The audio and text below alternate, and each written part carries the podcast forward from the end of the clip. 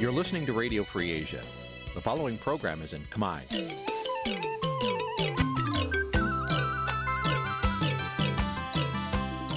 នេះជាកម្មវិធីផ្សាយ Vuthu Azizi Serai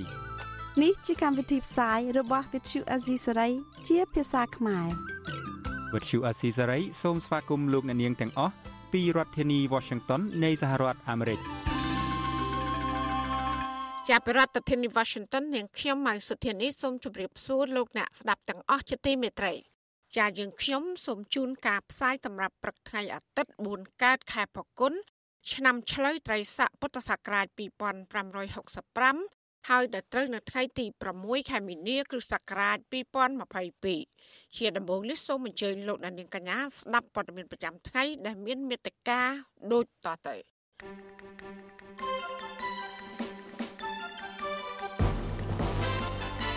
អ្នកវិភាគថាកម្ពុជាអាចរួចផុតពីទណ្ឌកម្មសេដ្ឋកិច្ចបើលោកកឹមសុខាអាចធ្វើនយោបាយឡើងវិញ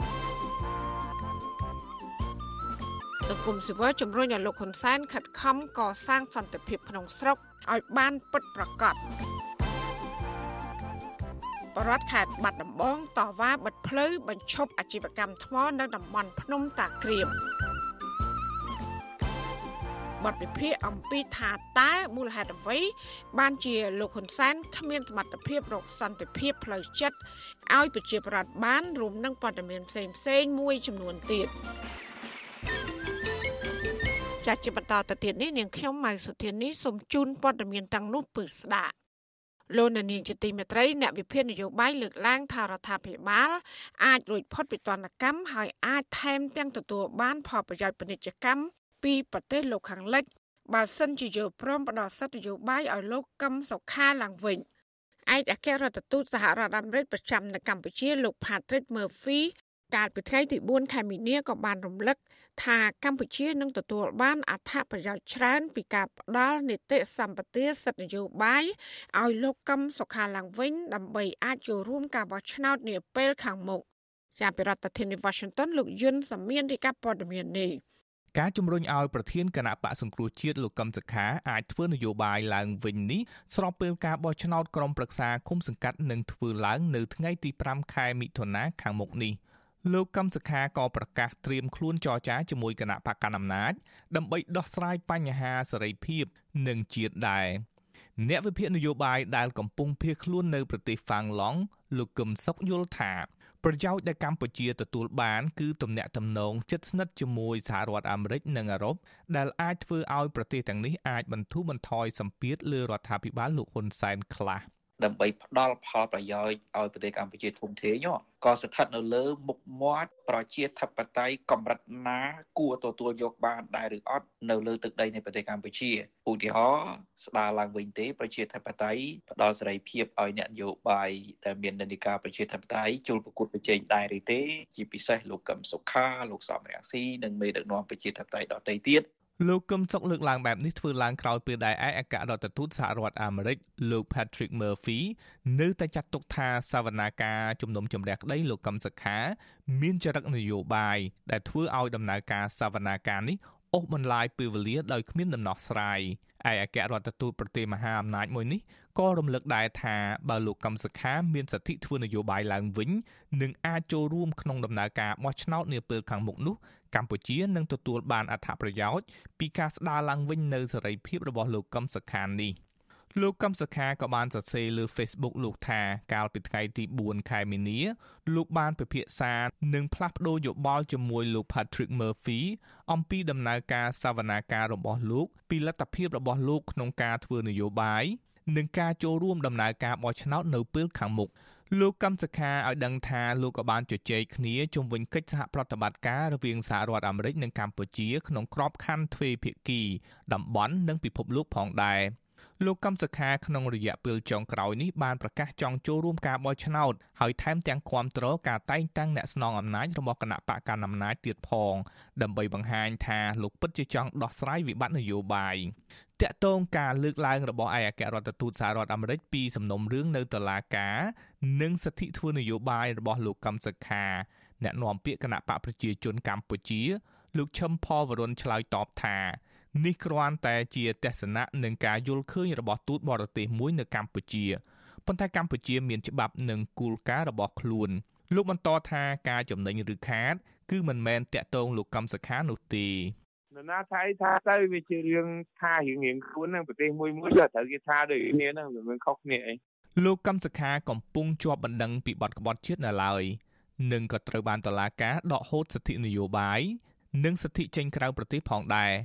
ជាង4ឆ្នាំមកនេះតុលាការមិនទាន់រកឃើញថាលោកមានទោសឬគ្មានទោសនៅឡើយ សាលាដំបងរាជធានីភ្នំពេញបានប្រើពេលមួយព្រឹកក្នុងមួយសប្តាហ៍ដើម្បីជំនុំជម្រះក្តី ដែលធ្វើឲ្យមានការរិះគន់ថាតុលាការព្យាយាមអូសបន្លាយពេលវេលា ដល់ឆ្នាំ2024ដោយការចង់បានរបស់លោកនាយករដ្ឋមន្ត្រីហ៊ុនសែនតុលាការគ្រងនឹងបន្តសវនាការគ្មានពេលបញ្ចប់នេះនៅសប្តាហ៍ក្រោយទៀតអ្នកជំនាញផ្នែកវិទ្យាសាស្ត្រនយោបាយនិងកិច្ចការបរទេសលោកអែមសវណ្ណារាសង្កេតឃើញថា នៅរយៈពេលចុងក្រោយនេះគណៈបកកណ្ដាលអំណាចបានធ្វើនយោបាយការទូតមានភាពបត់បែនតាមសហគមន៍អន្តរជាតិលោកសេរីដែលអាចធ្វើឲ្យរដ្ឋាភិបាលអាចគេចផុតពីទណ្ឌកម្មពីសហគមន៍អន្តរជាតិក្នុងឆ្នាំ2022នេះលោកបន្តថាស្ថិតនៅក្នុងស្ថានភាពបែបនេះគណៈបកកណ្ដាលអំណាចនឹងមិនបន្ធូរបន្ថយឲ្យលោកកំសខា មានសិទ្ធិធ្វើនយោបាយឡើយ។ គណៈបព្វជិជនអាចទុកមេបកប្រឆាំងនឹងឲ្យនៅក្នុងបំរាមនយោបាយដដែលដើម្បីដូចខ្ញុំនិយាយថាសភាអន្តរជាតិប្រហែលជាអត់មានទេដោយសារតែជំហរនយោបាយកម្ពុជាយើងមើលទៅស្របតាមអរិយាប័ត្ររបស់អឺរ៉ុបរបស់អាមេរិកអញ្ចឹងដូចជាពិបាកនឹងដាក់សម្ពាធមកលើកម្ពុជាដែរព្រោះសហរដ្ឋអាមេរិកឬក៏សហគមន៍អឺរ៉ុបក៏ចង់បានភាពកណ្ដាលរបស់កម្ពុជានឹងដែរបាទ វិបត្តិនយោបាយនៅកម្ពុជាដែលរដ្ឋាភិបាលលោកហ៊ុនសែនបង្កឡើងបានធ្វើឲ្យការគោរពសិទ្ធិមនុស្សនិងលទ្ធិប្រជាធិបតេយ្យដើរថយក្រោយធ្វើឲ្យសហភាពអឺរ៉ុបដាក់ទណ្ឌកម្មនិងដកប្រព័ន្ធអនុគ្រោះពន្ធ EBA 20%ពីកម្ពុជា ចំណែកសហរដ្ឋអាមេរិកមិនទាន់ផ្ដល់ប្រព័ន្ធអនុគ្រោះពន្ធទូទៅ GSP ឲ្យកម្ពុជាវិញនៅឡើយស្របពេលដែលប្រទេសមហាអំណាចមួយចំនួនបានធ្វើច្បាប់ជាបន្តបន្ទាប់ដាក់ទណ្ឌកម្មលើឈ្មួញ និងមន្ត្រីជាន់ខ្ពស់កម្ពុជាខ្ញុំយុនសាមៀនវិទ្យុអាស៊ីសេរីប្រធានាធិបតី Washington លោកនានីជាទីមេត្រីមន្ត្រីសង្គមស៊ីវិលលើកឡើងថាមតិយោបល់របស់រដ្ឋាភិបាល ដែលជំរុញឲ្យប្រទេសដទៃដោះស្រាយចំនួនដោយសន្តិវិធី គឺជារឿងល្អក៏ប៉ុន្តែរដ្ឋាភិបាលក៏គួរតែបង្ហាញឆន្ទៈពិតប្រាកដក្នុងការដោះស្រាយបញ្ហាធំៗនៅក្នុងប្រទេសខ្លួនឯងដោយសន្តិវិធីផងដែរ ការលើកឡើងទាំងនេះដោយសារតែរដ្ឋាភិបាលលោកហ៊ុនសែនតែងតែផ្ញើសារឲ្យមានការចរចាដោយសន្តិវិធី ដើម្បីបញ្ចប់ចំនួនរវាងរុស្ស៊ីនិងប្រទេសអ៊ុយក្រែនព្រមទាំងវិបត្តិនៅក្នុងប្រទេសភូមាឬមីយ៉ាន់ម៉ាផងដែរមន្ត្រីសង្គមស៊ីវិលលើកឡើងថាគឺជារឿងល្អដែលរដ្ឋាភិបាលកម្ពុជាដែលប្រាប់មេដឹកនាំប្រទេសដទៃឲ្យខិតខំកសាងសន្តិភាព និងដោះស្រាយចំនួនដោយសន្តិវិធី ប៉ុន្តែរដ្ឋាភិបាលកម្ពុជាមិនគួរមើលរំលងបញ្ហាធំធំជាច្រើន ដែលកំពុងញោមញីនៅក្នុងប្រទេស និងនៅមិនទាន់មានដំណោះស្រាយនៅឡើយពួកគាត់អំពាវនាវឲ្យលោកនាយករដ្ឋមន្ត្រីហ៊ុនសែនគួរតែព្យាយាមដោះស្រាយបញ្ចប់ចំនួននយោបាយបញ្ហារំលោភសិទ្ធិមនុស្សនិងបញ្ហាអយុត្តិធម៌សង្គមផ្សេងផ្សេងដោយសន្តិវិធី ដើម្បីឲ្យមានការផ្សះផ្សាជាតិការអភិវឌ្ឍនិងមានសុខសន្តិភាពពិតប្រាកដ អ្នកនាំពាក្យសមាគមការពារសិទ្ធិមនុស្សអាត់ហុកលោកសឹងសែនករណាថ្លែងថា ការលើកឡើងរបស់រដ្ឋាភិបាលកន្លងមក នៅលើឆាកអន្តរជាតិដែលណែនាំឲ្យប្រទេសដទៃដោះស្រាយចំនួនដោយសន្តិវិធីនោះ ហាក់ដូចជាមិនឆ្លោះបញ្ចាំងពីឆន្ទៈនឹងការអនុវត្តជាក់ស្ដែងរបស់រដ្ឋាភិបាលនៅក្នុងប្រទេសនោះឡើយ។ លោកលើកឧទាហរណ៍ថាករណីវិវាទការងាររវាងក្រុមហ៊ុន Nagavel និងបុគ្គលិកជាដើមរដ្ឋាភិបាលមិនបានផ្ដល់ដំណោះស្រាយដោយសន្តិវិធីនោះទេក៏ប៉ុន្តែបែរជាលោកដៃនិងប្រើប្រាស់កងកម្លាំងសមត្ថកិច្ចព្រមទាំងប្រព័ន្ធតុលាការដើម្បីបង្ក្រាប និងចាប់ចងថ្នាក់ដឹកនាំសហជីពនិងបុគ្គលិកក្នុងគោលបំណងដើម្បីបញ្ចប់កោតកម្មអហិង្សារបស់ពួកគាត់ ចាលើសពីនេះលោកមើលឃើញថាអាញាធររដ្ឋាភិបាលក៏តែងតែបង្ក្រាបទាំងធ្វើទុកបុកម្នេញលើអ្នករិះគន់ហើយនិងអ្នកនយោបាយបពប្រឆាំងដោយសារតែការអនុវត្តសិទ្ធិជាមូលដ្ឋានរបស់ខ្លួនផងដែរ។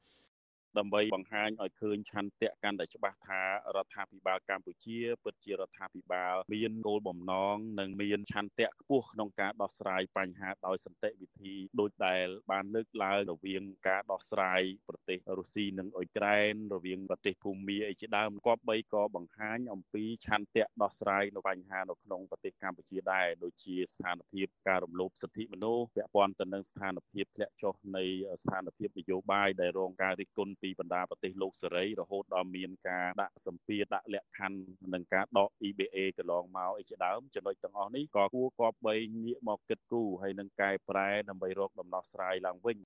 មិនខុសគ្នាប៉ុន្មានទេប្រធានសហភាពសហជីពកម្ពុជា និងជាសមាជិកក្រុមប្រឹក្សាឃ្លាំមើលកម្ពុជាលោករងឈុន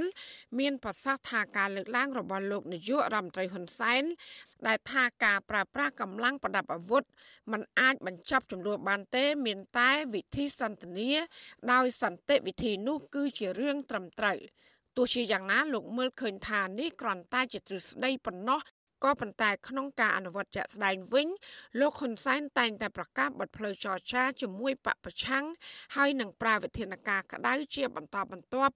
លើដៃគូប្រកួតប្រជែងនយោបាយដូចជាការរំលាយគណៈបកសង្គ្រោះជាតិនិងការចាប់មេបកប្រឆាំងនិងសកម្មជននយោបាយដាក់ពន្ធនាគារដោយគ្មានមូលដ្ឋានច្បាប់ជាដើមអ្វីដែលលោកបានអំពាវនាវទៅកាន់ប្រទេសភូមា ទៅកាន់ប្រទេសរុស្ស៊ីឆ្លៀនពៀនមកលើអ៊ុយក្រែនអីវាអត់ស៊ីចង្វាក់ទៅនឹងអ្វីដែលលោកបានអំពាវនាវហើយថ្មីថ្មីនេះបន្តបន្ទាប់ទៀតចាប់សង្គមស៊ីវិលចាប់សហជីពដោយរួមទាំងខ្ញុំផងដែរហើយចាប់បងប្អូនបុគ្គលិក Nagawal ដែលគ្រាន់តែប្រើប្រាស់សិទ្ធិទាមទារលក្ខខណ្ឌការងារទាមទាររកដំណោះស្រាយតែលោកបែរជាយកប្រព័ន្ធតុលាការរដ្ឋបတ်ចាប់ចងហើយមិនខំប្រឹងប្រែងស្វែងរកដំណោះស្រាយជូនប្រជាពលរដ្ឋខ្លួនឯងតែប្រើប្រាស់វិធីធីបង្ក្រាបវិធីចាប់ចងអានឹងវាមិនមែនជារឿងល្អទេហើយលោកគួរតែអនុវត្តទៅតាមអ្វីដែលលោកបាននិយាយពេញពេញមាត់ថាយើងត្រូវតែចរចាការបញ្ចេញប្រតិកម្មបែបនេះធ្វើឡើងក្រោយដែលលោកនាយករដ្ឋមន្ត្រីហ៊ុនសែនដែលតាំងខ្លួនជាបិតាសន្តិភាពតែងតែចែករំលែកនៅទស្សនៈរបស់លោក ដើម្បីបង្ហាញផ្លូវទៅកាន់សន្តិភាពនៅឧបទ្វីបកូរ៉េនៅប្រទេសភូមាព្រមទាំងនៅប្រទេសរុស្ស៊ីនិងអ៊ុយក្រែន។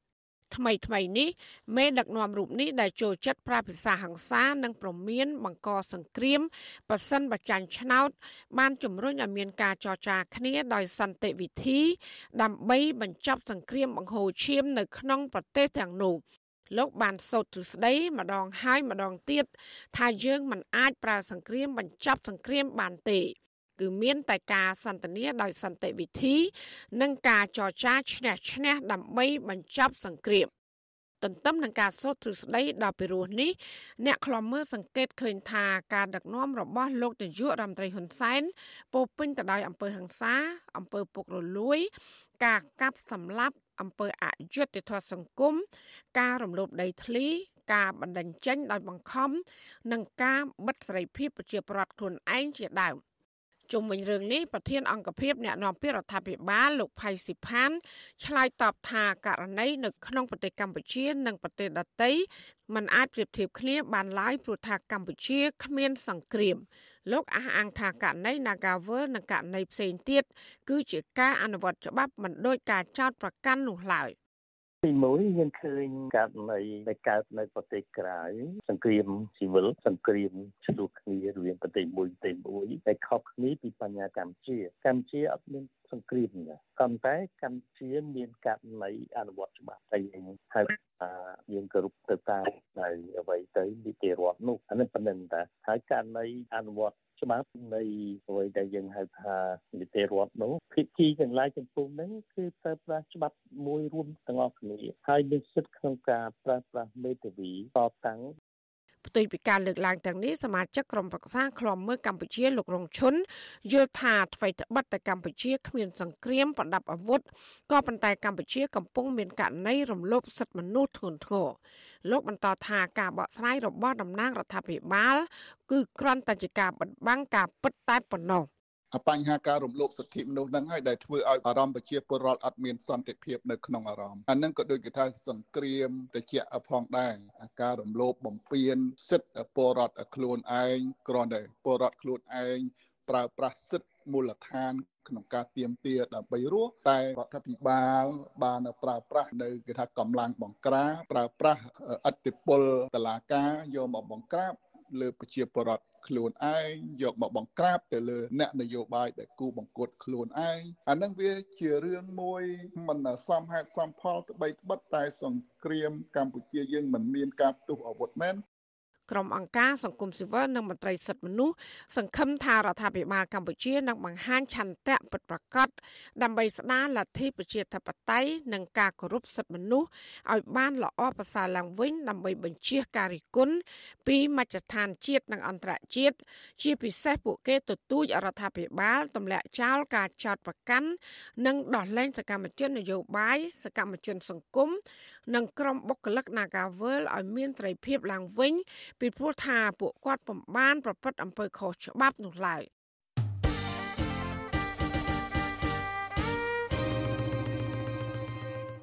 ចាលោកនាងកញ្ញាកំពុងស្ដាប់ការផ្សាយរបស់វិទ្យុអាស៊ីសេរីផ្សាយចេញពីរដ្ឋធានី Washington ចាលោកនាយករដ្ឋមន្ត្រីហ៊ុនសែនដែលត្រូវបានអ្នកនៅក្នុងជួរគណៈបកប្រជាជនកម្ពុជា ចាត់ទុកថាជាស្ថាបនិកនៃគោលនយោបាយឈ្នះឈ្នះនិងជាអ្នកបញ្ចប់សង្គ្រាមនាំមកនៅសន្តិភាពក្នុងប្រទេសកម្ពុជានោះកាលពីពេលថ្មីថ្មីនេះ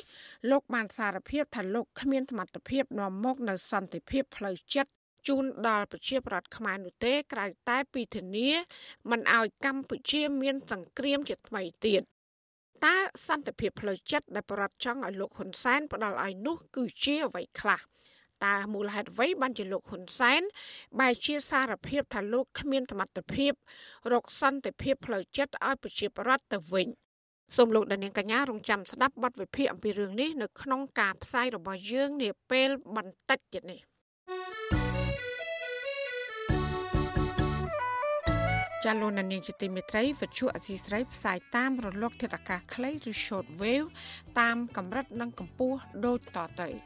ចាប់ពេលព្រឹកចាប់ពីម៉ោង5កន្លះដល់ម៉ោង6កន្លះតាមរយៈរលកធាតុអាកាសខ្លី9390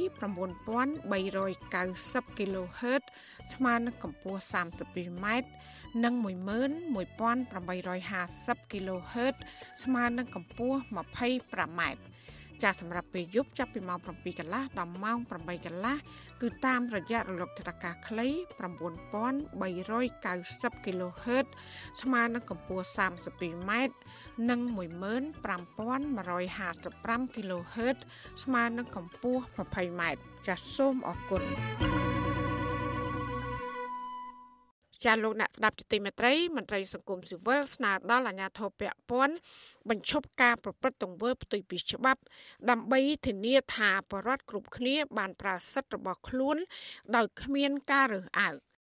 សំណុំពររបស់មន្ត្រីសង្គមស៊ីវិលធ្វើឡើងខណៈដែលគណៈបញ្ញយោបាយបានចាប់ផ្ដើមចុះបញ្ជីបេក្ខជនឈរឈ្មោះរបស់ខ្លួនសម្រាប់ការបោះឆ្នោតជ្រើសរើសក្រុមប្រឹក្សាឃុំសង្កាត់អាណត្តិទី5នៅដើមខែមិថុនាខាងមុខចាន់នៅទន្ទឹមនេះក៏មានគណៈបកមួយចំនួនអះអាងថាអាញាធរខ្លះនៅតែដាក់សម្ពាធគម្រាមកំហែងបំផិតបំភ័យបេក្ខជន និងសកម្មជនពួកគេស្ទើរតែគ្រប់រូបភាព។ ចានេះគឺជាសកម្មភាពរបស់លោកជាតិចំណានអំពីរឿងនេះពីរដ្ឋធានី Washington គណៈបកនយោបាយកំពុងដាក់ពាក្យបេក្ខជនឈរឈ្មោះសម្រាប់ការប្រកួតប្រជែងតាមរយៈការបោះឆ្នោតជ្រើសរើសក្រុមប្រឹក្សាគុំសង្កាត់ខាងមុខនេះដើម្បីទទួលបានការគ្រប់គ្រងពីប្រជាពលរដ្ឋម្ចាស់ឆ្នោតទោះជាយ៉ាងណាគណៈបកមួយចំនួនថាការដាក់បញ្ជីនេះមិនមែនក្នុងន័យបញ្ជាក់ថាពួកគេសម្រេចចិត្តចូលរួមការបោះឆ្នោតខាងមុខនោះទេ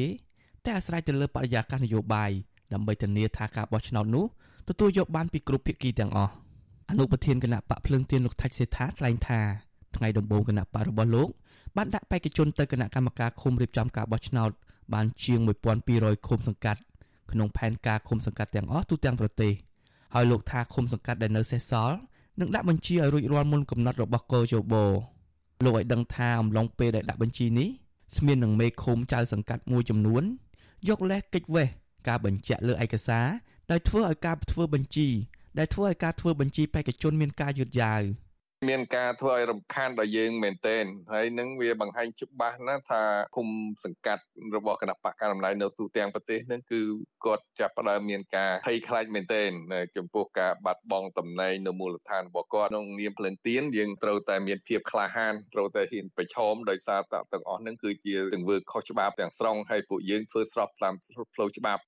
ចំណែកប្រធានគណៈបកកម្ពុជានិយមលោកយ៉ែមពញ្ញរិទ្ធលើកឡើងថាគណៈបករបស់លោកដែលទៅតែទទួលស្គាល់ពីក្រសួងមហាផ្ទៃនៅពេលថ្មីៗនេះបានកំណត់គោលដៅចំនួន3សម្រាប់បេក្ខជនប្រកួតប្រជែងការបោះឆ្នោតឃុំសង្កាត់ខាងមុខនេះលោកបន្តថាគិតត្រឹមព្រឹកថ្ងៃទី5ខែមីនាគណៈបករបស់លោកបានដាក់បញ្ជីបេក្ខជនបានជាង20ឃុំសង្កាត់ក្នុងចំណោមផែនការ40ឃុំសង្កាត់នៃតំបន់ចំនួន3នៅទូទាំងប្រទេសទន្ទឹមនឹងនេះ លោកសង្កេតឃើញថាគណៈកម្មការឃុំសង្កាត់រៀបចំការបោះឆ្នោតមួយចំនួនហាក់មិនយល់ពីនីតិវិធីគ្រប់គ្រាន់នៅឡើយ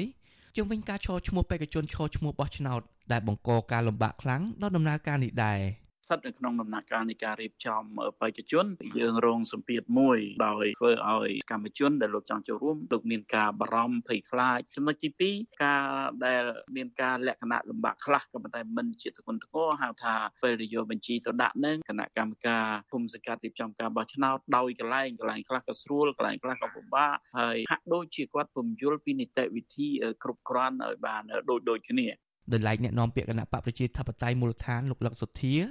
បញ្ជាក់ថាគណៈបកនេះក្រុងដាក់បេក្ខភាពឈរឈ្មោះសរុបចំនួន30ឃុំសង្កាត់ស្ថិតក្នុង13ខេត្តនិងរាជធានីដើម្បីចូលរួមប្រកួតប្រជែងការបោះឆ្នោតអាណត្តិថ្មី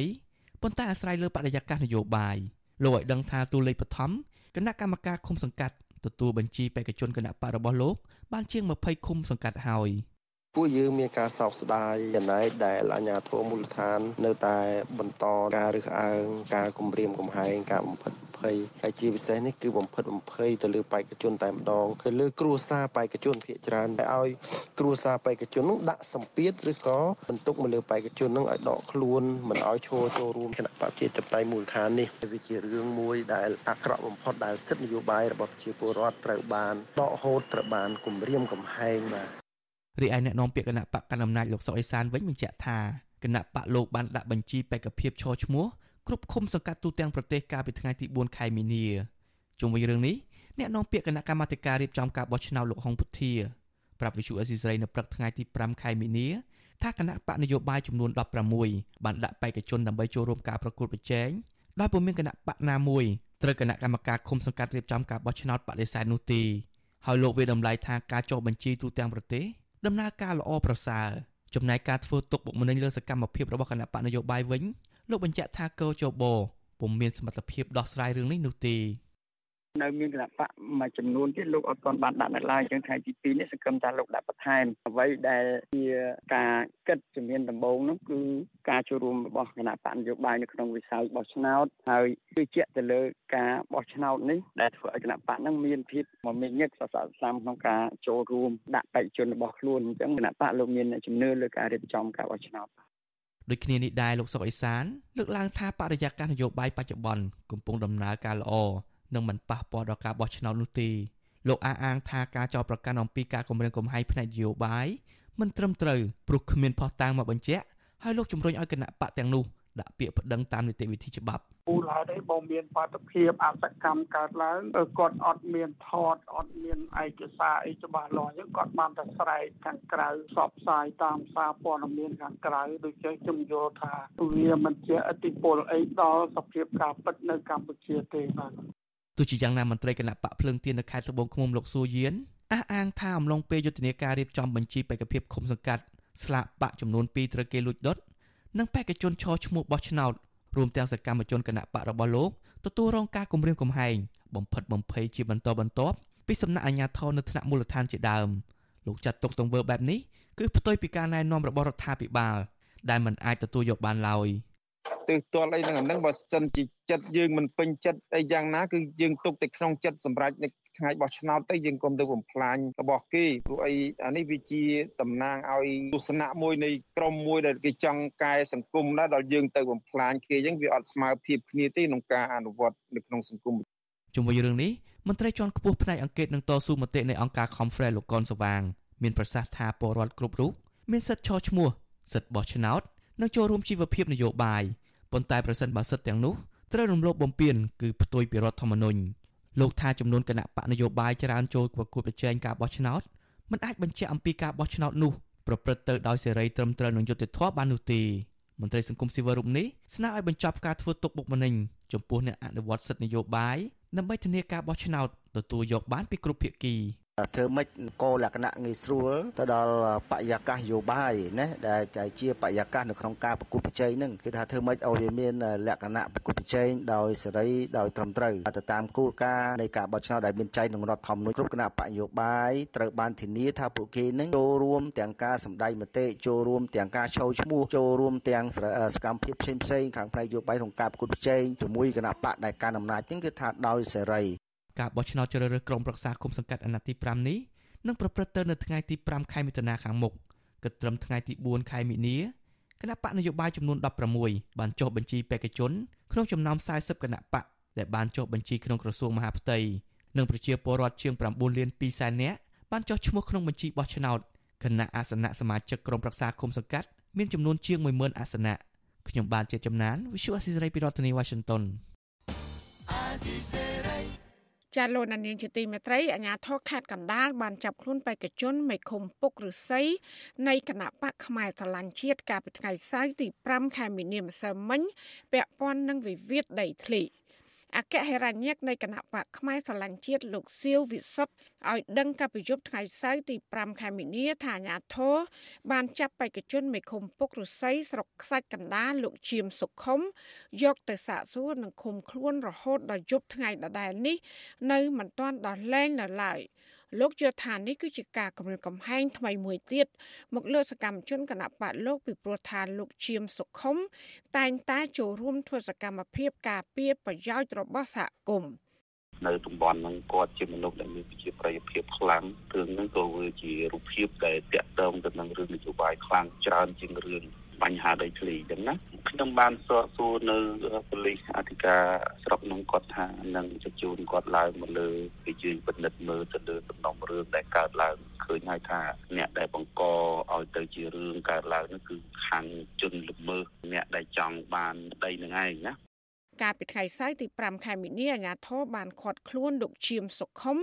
ដែលជាបេក្ខជនមេឃុំពុករស័យនិងជាអនុប្រធានគណៈបកផ្នែកស្រឡាញ់ជាតិនៅស្រុកខ្សាច់កណ្ដាលក្នុងពេលដែលលោកនិងបរដ្ឋបានទៅរារាំងគ្រឿងចាក់មិនឲ្យឈូសឆាយដីចំនួនក្នុងបរិវេណវត្តមនីរាំងសីហៅវត្តទួគោកសង្កែចំនួន3ហិកតាដែលអ្នកភូមិរក្សានិងការពារទុកជាសម្បត្តិរួម។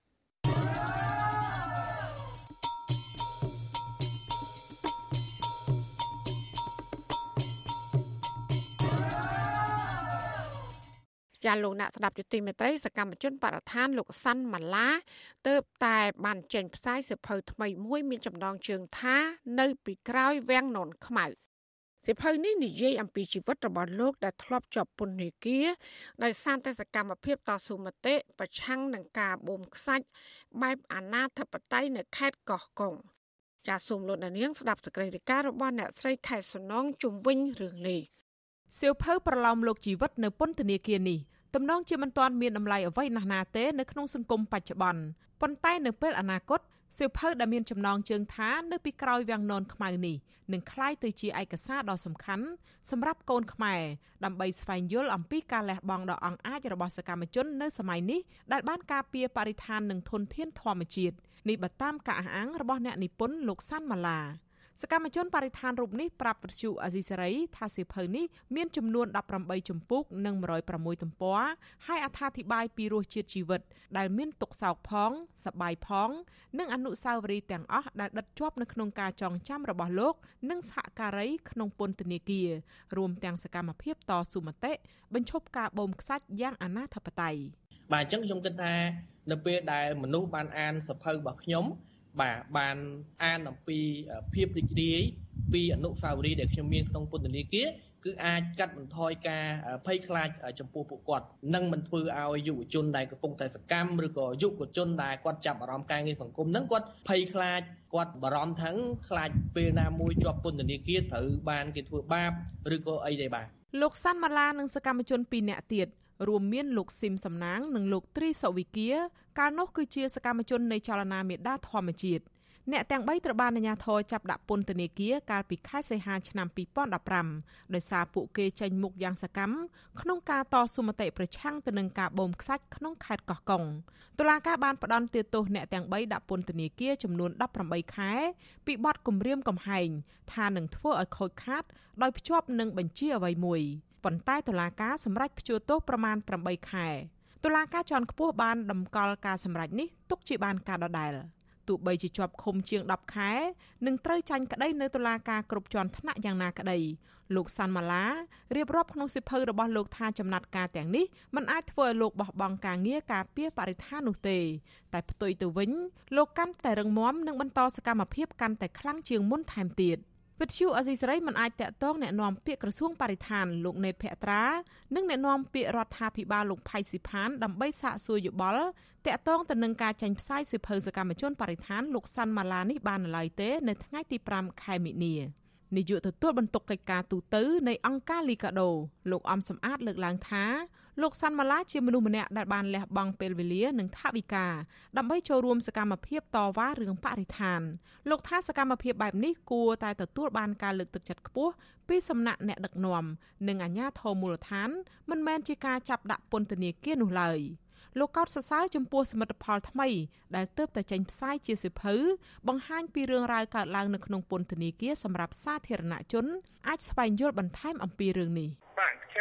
ថានេះវាជាចំណុចល្អមួយដែលបានចងក្រងជាសភៅនេះដើម្បីបញ្ចេញឲ្យយុវជនជំនាន់ក្រោយបានឃើញនៅរឿងរ៉ាវទាំងអស់ហ្នឹងហើយហ៊ានចូលរួមនៅក្នុងកិច្ចការពារបរិស្ថានធនធានធម្មជាតិបន្តទៅទៀតណាជាពិសេសគឺកតាបកិច្ចនិងភារកិច្ចរបស់យុវជនត្រូវតែរួមគ្នាក្នុងការចូលរួមកិច្ចការពារបរិស្ថានធនធានធម្មជាតិព្រោះនេះ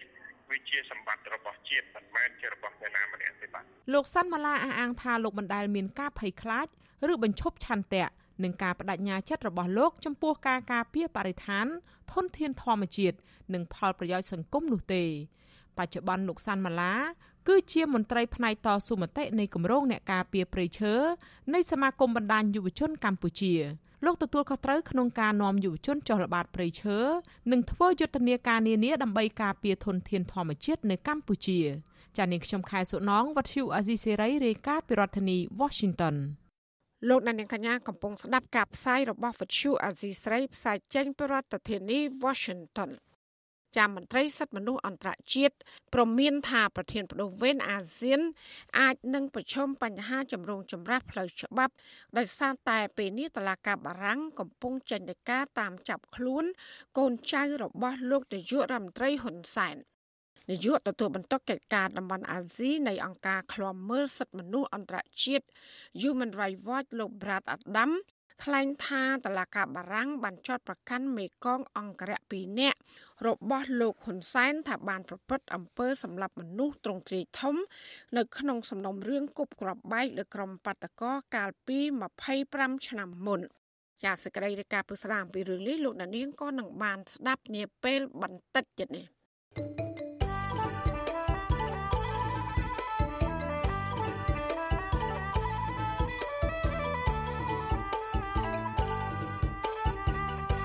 ចាលោកនានីជាទីមេត្រីនៅឯខេត្តបាត់ដំបងឯនោះវិញប្រជាពលរដ្ឋរស់នៅឃុំតាក្រៀមនៅតែបន្តតវ៉ាបិទផ្លូវមិនឲ្យរថយន្តខ្នាតធំរបស់ក្រុមហ៊ុនចិនវៀតណាមដឹកថ្មឆ្លងកាត់ភូមិរបស់ពួកគាត់ជិតមួយសប្តាហ៍មកហើយ។ អ្នកភូមិថាពួកគាត់អស់សង្ឃឹមនឹងអាជ្ញាធរដែលមិនបានអើពើ ជួយទប់ស្កាត់ក្រុមឈ្មួញដែលកំពុងធ្វើអាជីវកម្មនៅតំបន់ភ្នំតាក្រៀមហើយដែលរងការបំផ្លិចបំផ្លាញបាត់រូបរាងជាបន្តបន្ទាប់ពីសំណាក់ក្រុមហ៊ុននិងអ្នកមានអំណាចជាប្រធានាធិបតី Washington លោកយុនសាមៀនមានសេចក្តីរាយការណ៍ដាច់ដライមួយទៀតជំវិញព័ត៌មាននេះ ប្រជាពលរដ្ឋប្រមាណជាង500គ្រួសាររស់នៅភូមិចំនួន4នៅឃុំតាក្រៀមស្រុកបាណន់ខេត្តបាត់ដំបងលើកគ្នាទៅបិទផ្លូវជាថ្មីម្ដងទៀតពួកគេថាការបិទផ្លូវនេះដោយសារតែអាជ្ញាធរនៅតែបណ្ដោយឲ្យក្រុមឈ្មួញធ្វើអាជីវកម្មកាយថ្មភ្នំធ្វើឲ្យប៉ះពាល់ដល់ការរស់នៅនិងបំផ្លាញធនធានភ្នំប្រវត្តិសាស្ត្រដែលជានិមិត្តរូបអត្តសញ្ញាណភូមិកំណើតជាបន្តបន្ទាប់ ពលរដ្ឋម្នាក់រស់នៅភូមិតាក្រៀមឃុំតាក្រៀមលោកស្រីផល្លាប្រវត្តិអាស៊ីសេរីកាលពីថ្ងៃទី5មីនាថា អ្នកភូមិបានបន្តវេនគ្នាបិទផ្លូវមិនបណ្ដោយឲ្យរថយន្តក្រុមហ៊ុន បើកឆ្លងកាត់ភូមិ5ថ្ងៃមកហើយដោយសារតែដីហុយខ្លាំងប៉ះពាល់ដល់សុខភាពពួកគាត់អ្នកស្រីបញ្ជាក់ថាពួកគេចង់ថែរក្សាធនធានបន្សល់ទុកបន្តិចបន្តួចសម្រាប់កូនចៅចំនួនក្រោយឲ្យបានស្គាល់តែប៉ុណ្ណោះ។ ចារកសម្រាប់សម្រាប់អីអត់បានទេហើយឡានមួយថ្ងៃមួយថ្ងៃរាប់ពាន់ឡានមិនមែនមិនមែន4 10ឡានទេណាអូនហើយអឺហើយឡានដឹកឲ្យឡើងកំពង់កំពង់ឡានដឹកមុំថាមិនមកជាប់ហ្នឹងមិនជាប់ទេណាតត្រង់ឡើងទៅលើទៅដាក់ឡើងកំពង់មកកាលណាវាផ្អៀងវាធ្លាក់ទៅឡុកទៅវាជុះមកថ្មធំធំក៏មានដែរវាធ្លាក់មកនេះតាមផ្លូវនេះចាថ្មធំធំហ្នឹងធ្លាក់មកវាលើឡានអ្នកស្រីបន្តថាប្រជាពលរដ្ឋស្ដាយស្រណោះធនធានភ្នំធម្មជាតិដែលកំពុងឈានទៅរកការបាត់រូបរាងទាំងស្រុង អ្នកស្រីថាអ្នកភូមិបានរួមគ្នាដាក់ញត្តិស្នើដល់អាជ្ញាធរពាក់ព័ន្ធជួយអន្តរាគមន៍ជាច្រើនលើកជាច្រើនសារមកហើយប៉ុន្តែគ្មានអាជ្ញាធរណា មកអើពើជួយដោះស្រាយទុកកង្វល់របស់ប្រជាពលរដ្ឋនោះទេព្រួយបារម្ភប្រជាកូនក្មេងចំនួនក្រោយអត់ស្គាល់ទេពួកអីចិត្តអស់ហើយពីដើមមកណាអូនភ្នំហ្នឹងកាច់ទៅពាំងទេភ្នំហ្នឹងហ៎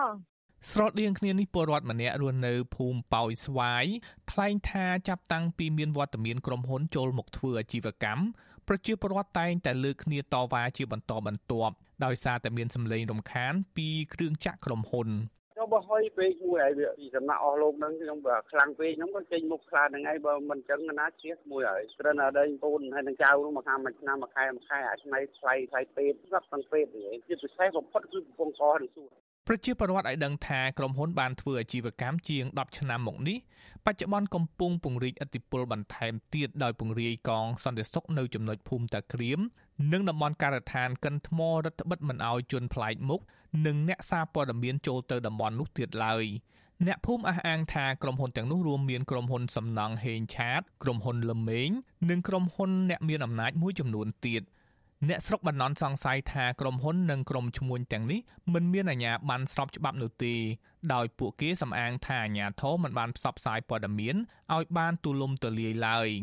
ហើយកម្មករក្រុមហ៊ុនភៀកច្រើនសុទ្ធសឹងតែជាជនជាតិចិន និងវៀតណាមដែលបន្តដំឡើងគ្រឿងចាក់វាយកំទេចថ្មកែវនិងថ្មម៉ាបយ៉ាងអនាធបត័យវិទ្យុអាស៊ីសេរីមិនអាចតាក់ទងអភិបាលខេត្តបាត់ដំបងលោកសុកលូ និងអ្នកនាំពាក្យក្រសួងបរិស្ថានលោកនេតភក្ត្រាដើម្បីបំភ្លឺជុំវិញបញ្ហានេះបានទេកាលពីថ្ងៃទី5ខែមីនាចំណែកឯតំណាងក្រុមហ៊ុនហេងឆាតក៏បដិសេធមិនធ្វើអត្ថាធិប្បាយដែរដោយលោកចុចផ្ដាច់ទូរស័ព្ទចោលនៅពេលវិទ្យុអាស៊ីសេរីសាកសួរប៉ុន្តែប្រធានមន្ទីរបរិស្ថានខេត្តបាត់ដំបងលោកកតបូរានប្រាប់វិទ្យុអាស៊ីសេរីយ៉ាងខ្លីថាមុនពេលធ្វើអាជីវកម្មក្រុមហ៊ុនបានសិក្សាពីផលប៉ះពាល់បរិស្ថានរួចហើយ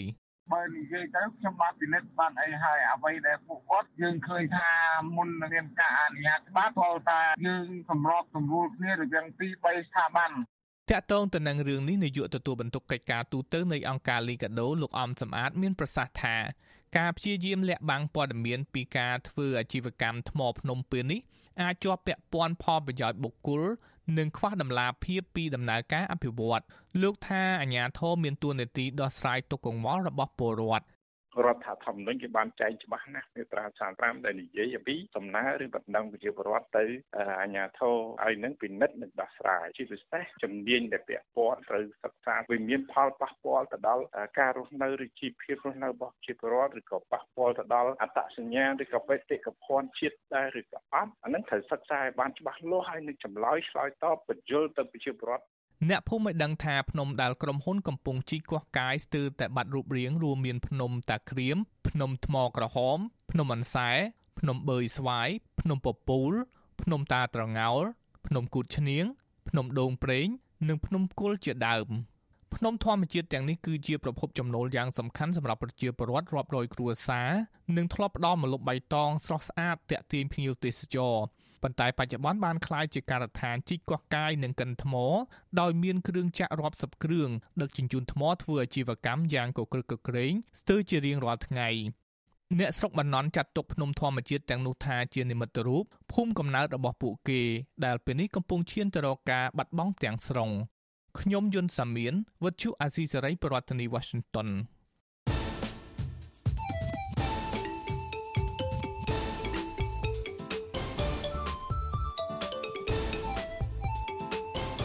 វិភាគ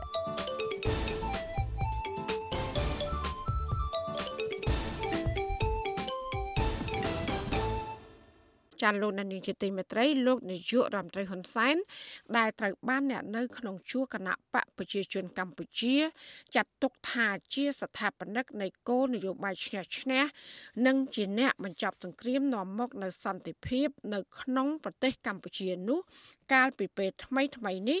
លោកបានសារភាពថាលោកគ្មានសមត្ថភាពនាំមកនូវសន្តិភាពផ្លូវចិត្តជូនដល់ប្រជាប្រដ្ឋខ្មែរនោះទេក្រៅតែពីធានាមិនឲ្យកម្ពុជាមានសង្គ្រាមជាថ្មីទៀត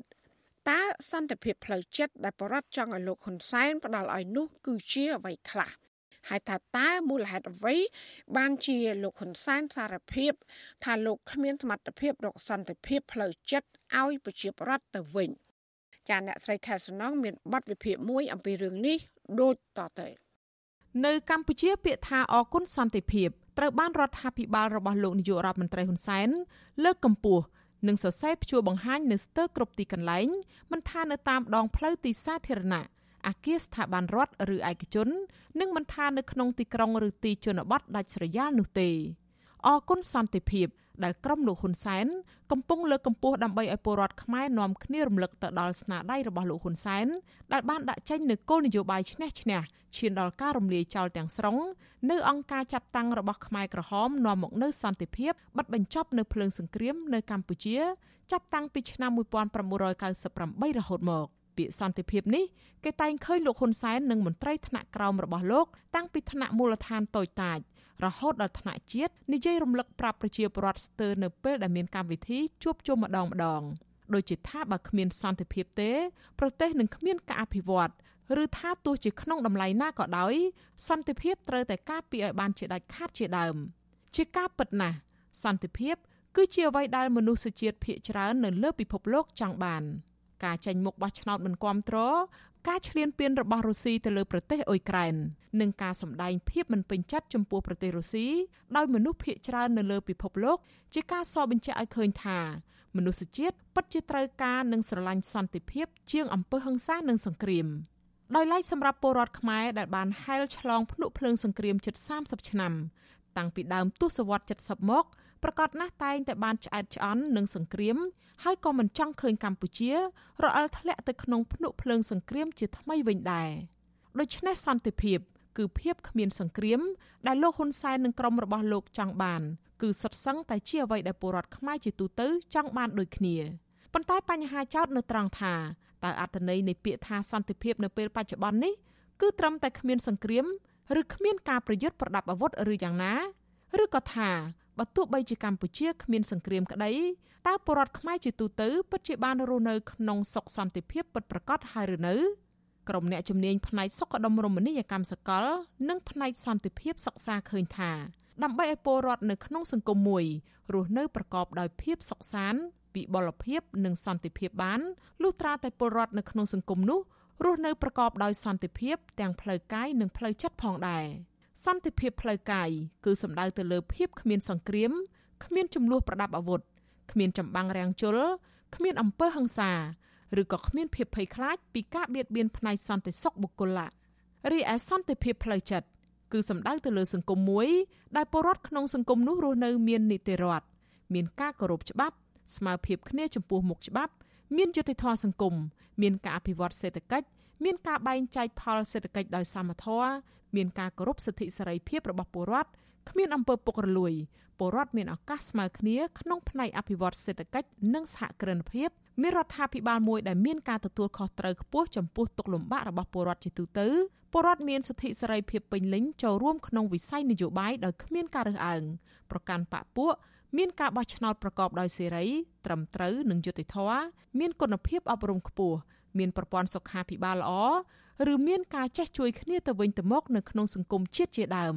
ផ្អែកលើនិយមន័យសន្តិភាពខាងដើមនេះប្រកាសណាស់លោកហ៊ុនសែនដែលជាស្ថាបនិកសន្តិភាពនៅកម្ពុជាមិនទាន់រកបានសម្រាប់ពលរដ្ឋខ្មែរជាទូទៅនៅឡើយទេ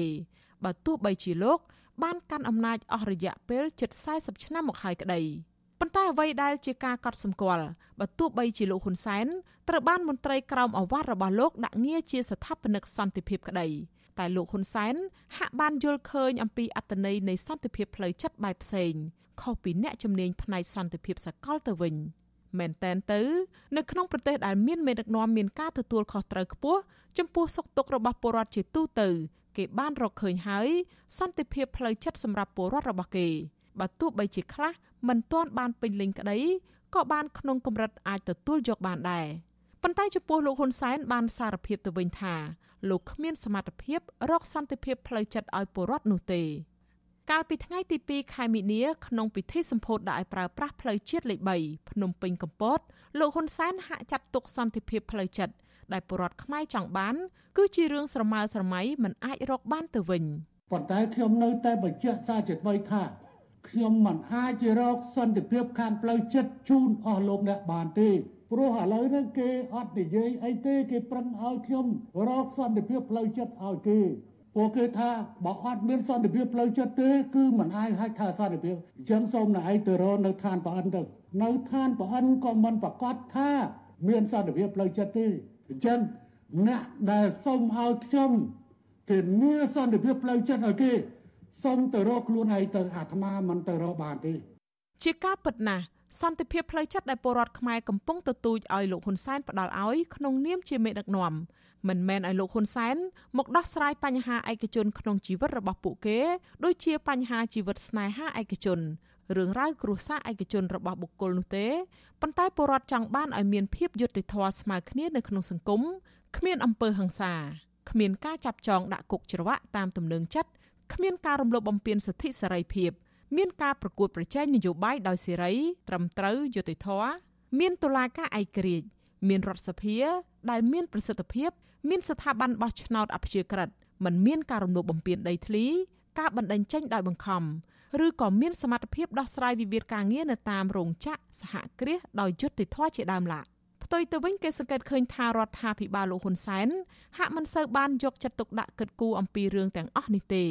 មែនតែនទៅ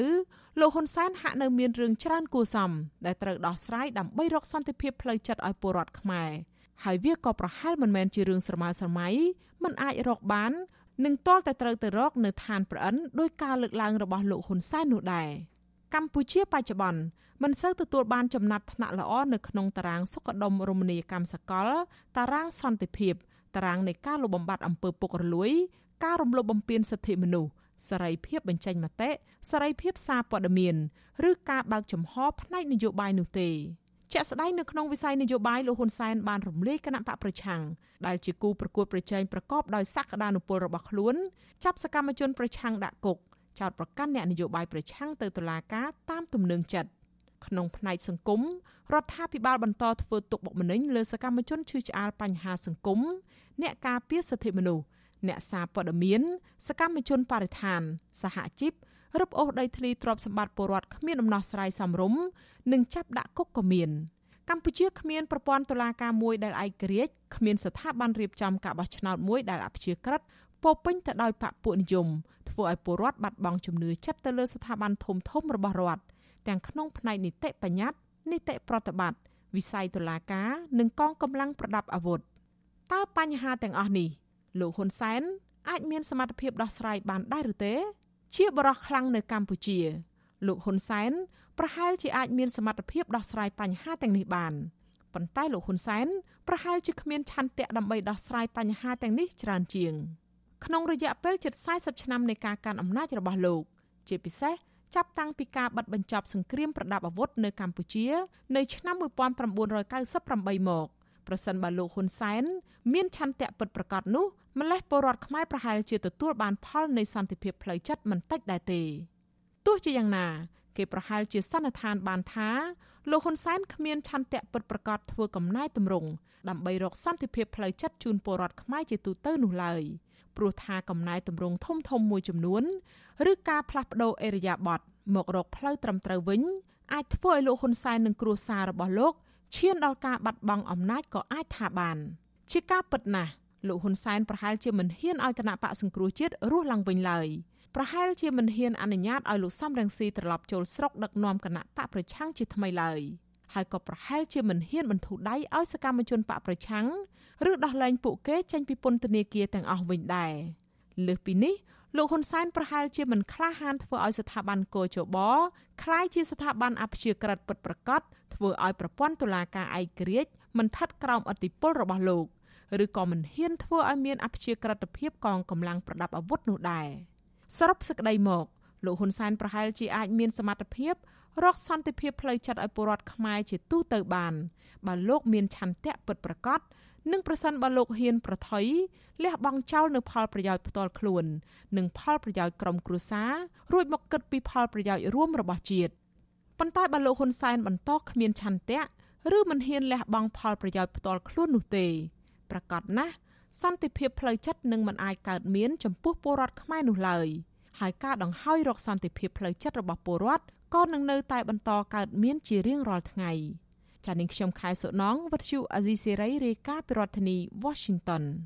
thank you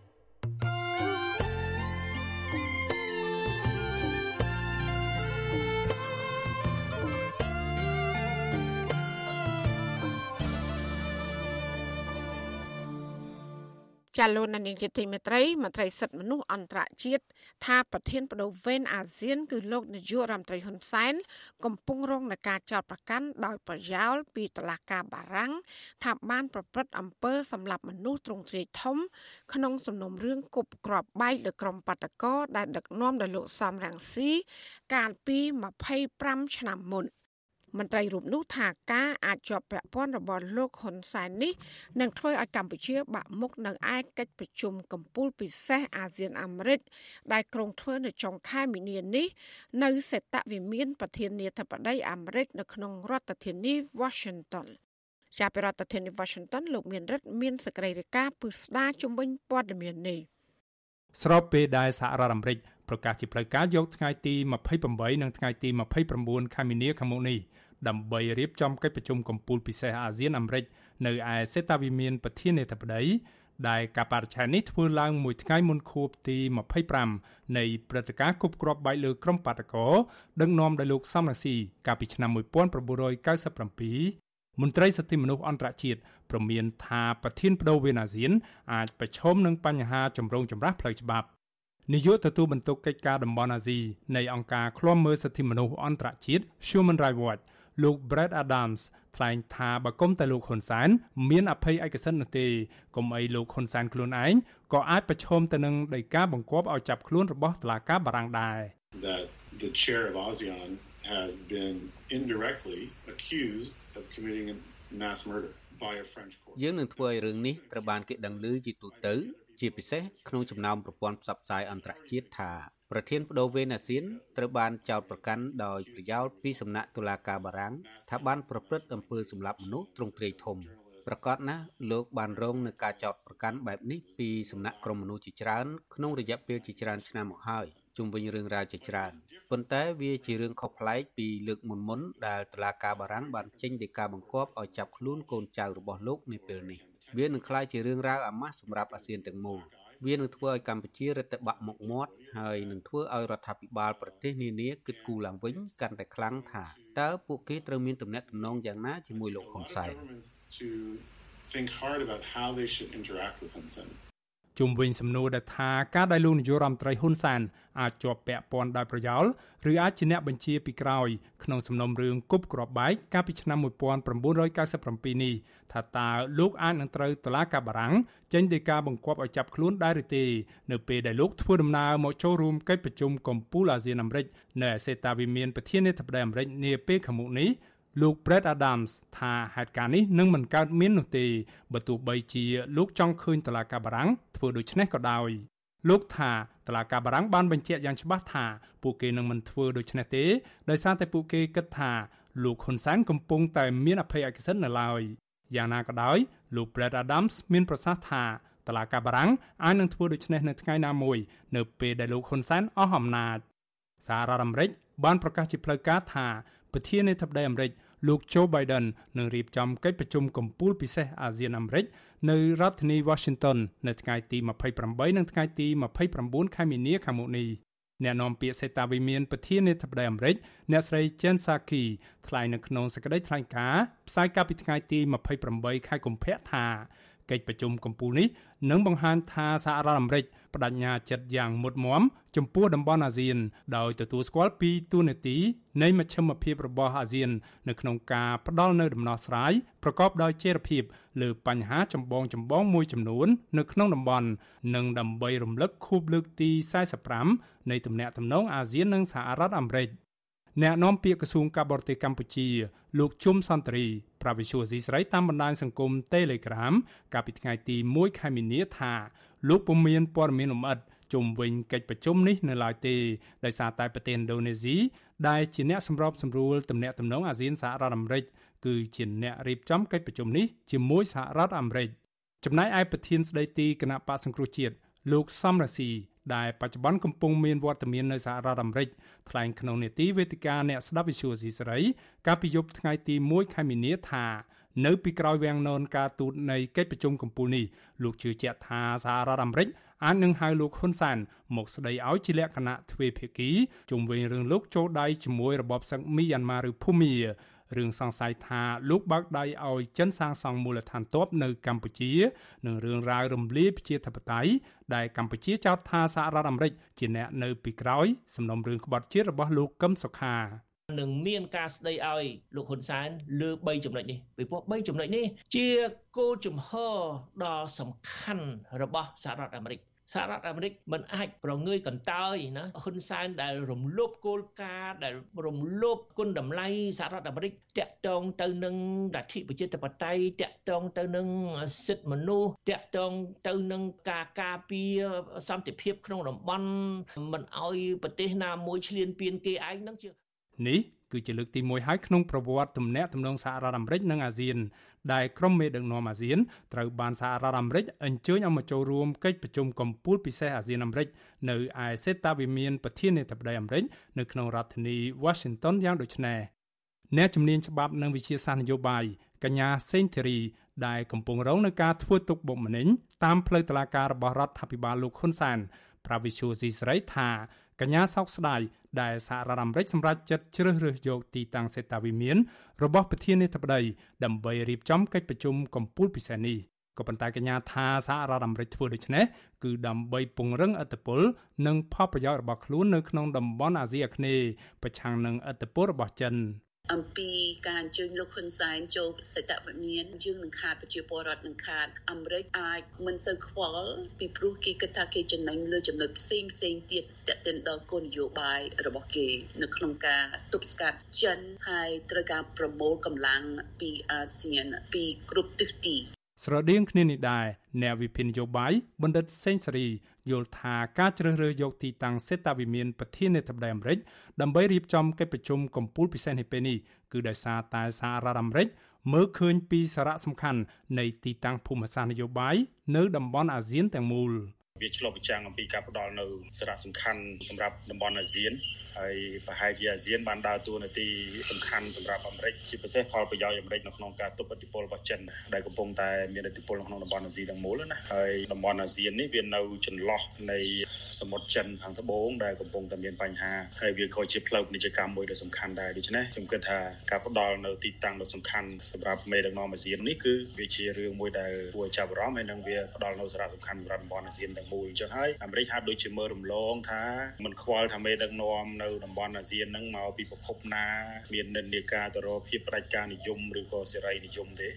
បើទោះបីជាតឡាកាបារាំង ទំនងជានឹងមិនធ្វើឲ្យពិភពលោកភ្ញាក់ផ្អើលដោយចេញដីកាបង្គាប់ឲ្យចាប់ខ្លួនលោកហ៊ុនសាននាពេលដែលលោកធ្វើដំណើរមកចូលរួមកិច្ចប្រជុំកំពូលនេះនៅសហរដ្ឋអាមេរិកក៏ដោយក៏ប៉ុន្តែអ្វីដែលគេបានដឹងច្បាស់នៅពេលនេះគឺថាការធ្វើដំណើរមកជន់ដីសហរដ្ឋអាមេរិករបស់លោកហ៊ុនសែននៅពេលនេះមិនមែនមានន័យថាសហរដ្ឋអាមេរិកទទួលស្គាល់ការដឹកនាំរបស់លោកហ៊ុនសែននោះឡើយ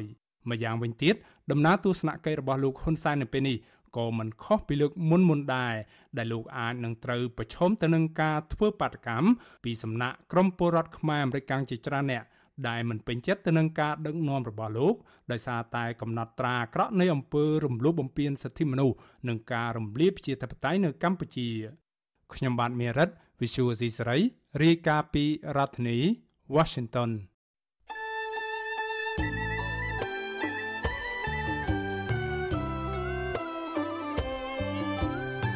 ចាលោកនាងកញ្ញាអ្នកស្ដាប់ជទីមេត្រីកັບផ្សាយរយៈពេល1ម៉ោងនៃវិទ្យុអាស៊ីស្រីជាភាសាខ្មែរនៅពេលនេះចាប់តែប៉ុណ្ណេះចាយើងខ្ញុំទាំងអស់គ្នាសូមជូនពរលោកនាងព្រមទាំងក្រុមគូសាទាំងអស់សូមជួបប្រកបតែនឹងសេចក្តីសុខសេចក្តីចម្រើន ជានិរន្តរ៍